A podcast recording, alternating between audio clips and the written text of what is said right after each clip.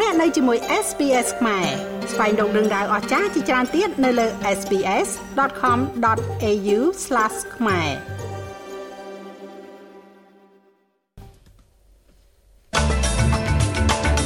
សមាជិកសភាលោក Andrew Key លាលែងចេញពីគណៈបក National ដោយសារមិនយល់ស្របចំពោះគោលជំហរស្ដីអំពីសម្លេងជនជាតិដើមទៅកាន់សភា រដ្ឋជាច្រើននៅក្នុងប្រទេសអូស្ត្រាលីអនុវត្តការផាកពិន្ទុទ្វេគុណនៅក្នុងរដូវកាលឈប់សម្រាកឆ្លងឆ្នាំនេះមន្ត្រីចារកម្មអាមេរិកអះអាងថាកូរ៉េខាងជើងកំពុងតែផ្គត់ផ្គង់សម្ភារៈយោធាដល់រុស្ស៊ីសមាជិកសភាគណៈបក National គឺលោក Andrew Key បានប្រកាសលាលែងចេញពីបកហើយឥឡូវនេះនឹងមានអាសនៈជាសមាជិកឯករាជ្យនៅក្នុងសភាសហព័ន្ធ លោកគីដែលតំណាងឲ្យកៅអីខាឡានៃរដ្ឋ New South Wales មានប្រសាសន៍ថា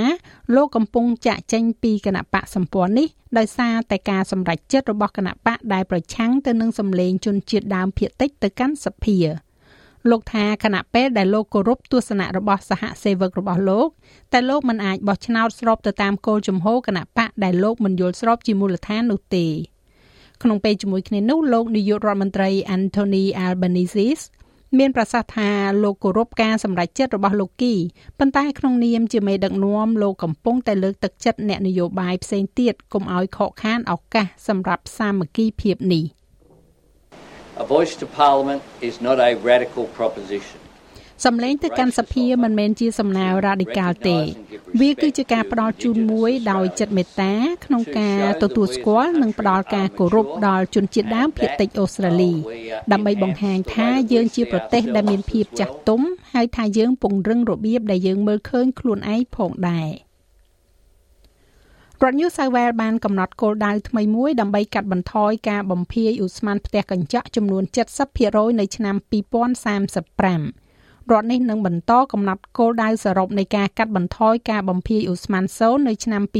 2050ហើយរដ្ឋ New South Wales ក៏កំពុងស្ថិតនៅលើផ្លូវដើម្បីសម្រេចបាននូវគោលដៅបច្ចុប្បន្ននៃការបំភាយឧស្ម័នពាក់កណ្ដាល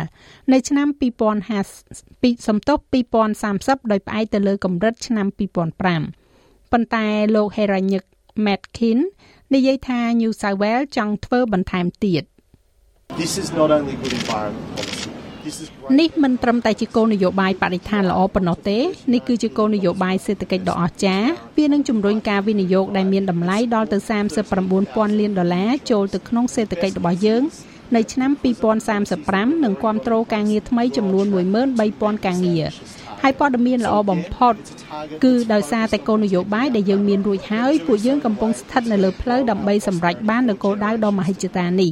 ដូច្នេះម្ដងទៀតវាគឺជាគោលដៅដែលផ្ដោតលើការការពារភពផែនដីរបស់យើងប៉ុន្តែការធ្វើដូច្នេះនៅក្នុងរបៀបមួយដែលនឹងធ្វើឲ្យមានភាពរុងរឿងសម្រាប់មនុស្សជំនាន់ក្រោយ។ ការប្រកាសនេះធ្វើឡើងបន្ទាប់ពីការបញ្ញាចិត្តរួមគ្នាមួយកាលពីដើមសប្តាហ៍ជាមួយនឹងរដ្ឋាភិបាលសហព័ន្ធសម្រាប់គម្រោងហេដ្ឋារចនាសម្ព័ន្ធធម្មពលកកើតឡើងវិញ ចំនួន4700លានដុល្លាររដ្ឋមន្ត្រីក្រសួងសុខាភិបាលនៃរដ្ឋ New South Wales លោក Brad Hazard កំពុងតែលើកទឹកចិត្តគ្រូពេទ្យរថយន្តសង្គ្រោះបន្ទាន់ថ្មីដែលចូលរួមនៅក្នុងសេវារថយន្តសង្គ្រោះឲ្យស្វែងរកដំបូន្មាននៅក្នុងការងារដែលរងសម្ពាធខ្លាំងរបស់ពួកគេ។ រដ្ឋាភិបាលនៃរដ្ឋ New South Wales បានរៀបចំពិធីមួយសម្រាប់សិស្សឡានពេទ្យឬហៅថា paramedic ថ្មីចំនួនជាង100នាក់និងអ្នកទទួលទូរស័ព្ទសេវាសង្គ្រោះបន្ទាន់03ដងក្នុងទីក្រុង Sydney នៅថ្ងៃសុក្រនេះលោក Hazard មានប្រសាសន៍ថាបុគ្គលិកបន្ថែមប្រហែលជា2000នាក់នឹងចូលរួមជាមួយកងកម្លាំងការងារនេះក្នុងរយៈពេល2-3ឆ្នាំខាងមុខដើម្បីពង្រីកសេវាកម្មនេះ The jobs that you have are really the most caring ការងារដែលអ្នកធ្វើគឺពិតជាការងារដែលត្រូវយកចិត្តទុកដាក់ខ្ពស់បំផុត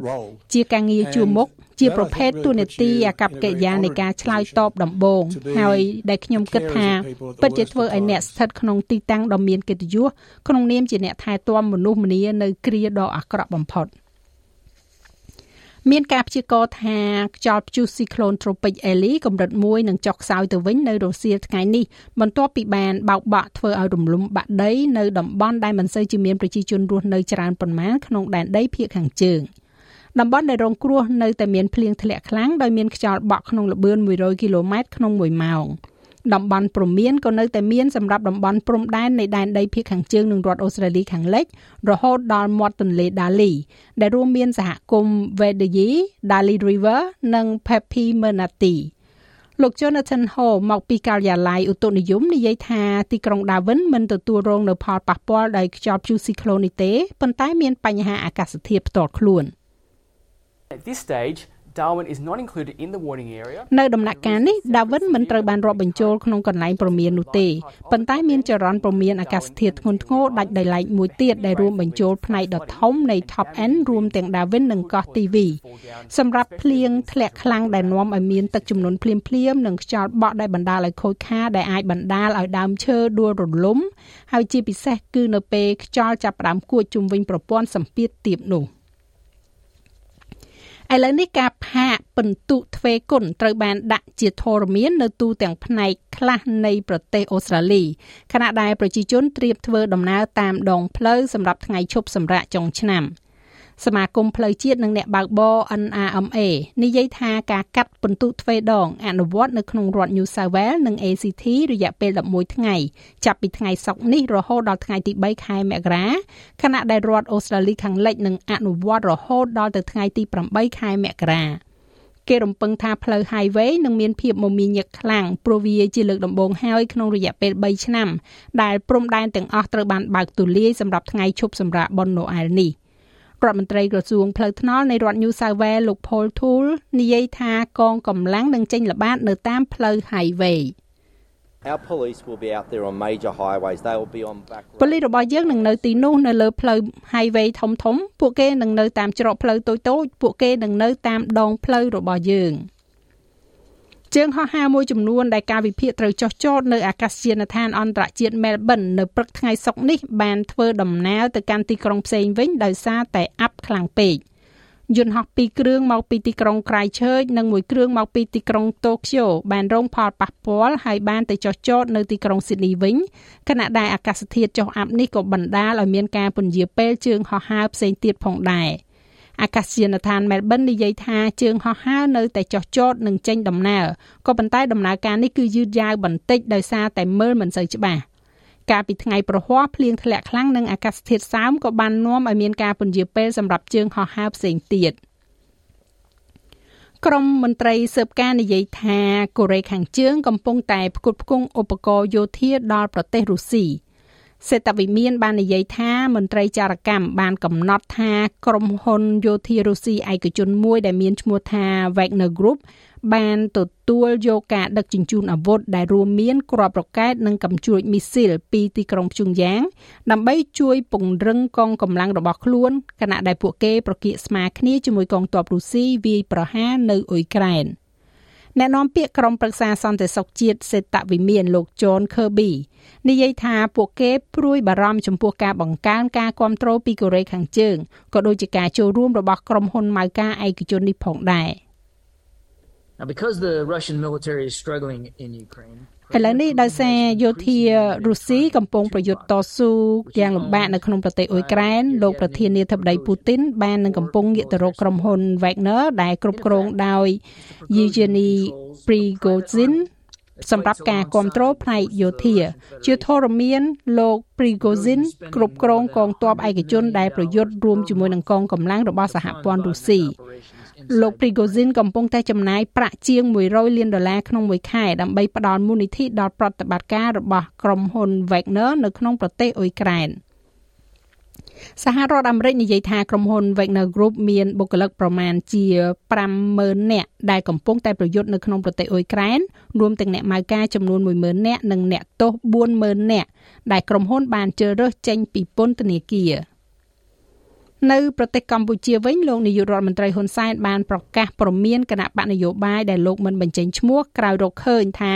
មានជាប់ពាក់ព័ន្ធទៅនឹងការប្រជុំប្រមូលលុយរបស់លោកសំរងស៊ីនៅសហរដ្ឋអាមេរិកកាលពីម្សិលមិញលោកហ៊ុនសែនបានប្រកាសព្រមានទៅគណៈបកនយោបាយនោះថាកុំឲ្យរដ្ឋាភិបាលចាប់ផោះតាំងបានឲ្យសោះ។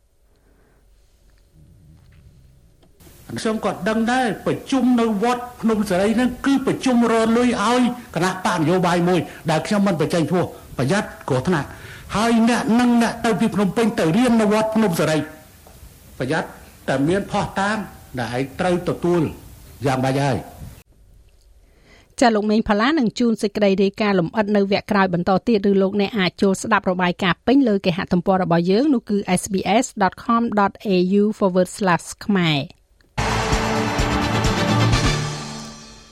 កីឡាករនី cricket របស់អូស្ត្រាលី Meg Lanning នឹងត្រឡប់ចូលទៅលេងនៅក្នុងការប្រកួតអន្តរជាតិវិញសម្រាប់ការប្រកួតរយៈពេល1ថ្ងៃដែលត្រូវប្រកួតទល់នឹងប៉ាគីស្ថាន។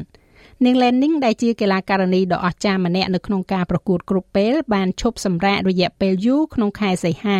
បន្ទាប់ពីអូស្ត្រាលីបានឈ្នះការប្រកួត One Day International World Cup និងឈ្នះមេដាយមួយនៅឯ Commonwealth Games ក្នុងទីក្រុង Birmingham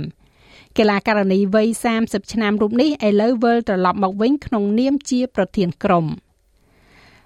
យើងក៏លេខមើលអត្រាប្តូរប្រាក់វិញនៅថ្ងៃនេះ1ដុល្លារអូស្ត្រាលីមានតម្លៃប្រមាណជា66សេន7ប្រាក់ដុល្លារអាមេរិកត្រូវនឹង72750រៀលប្រាក់រៀលខ្មែរ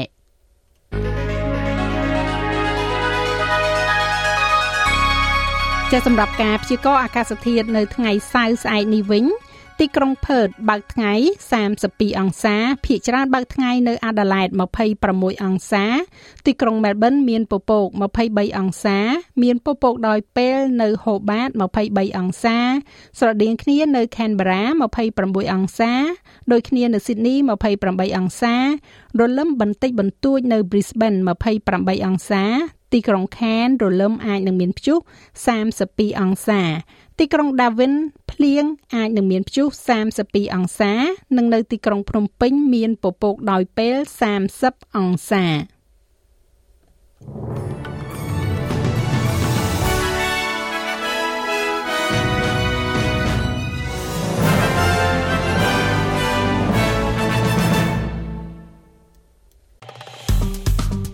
ចុច like share comment និង follow SPS ខ្មែរនៅលើ Facebook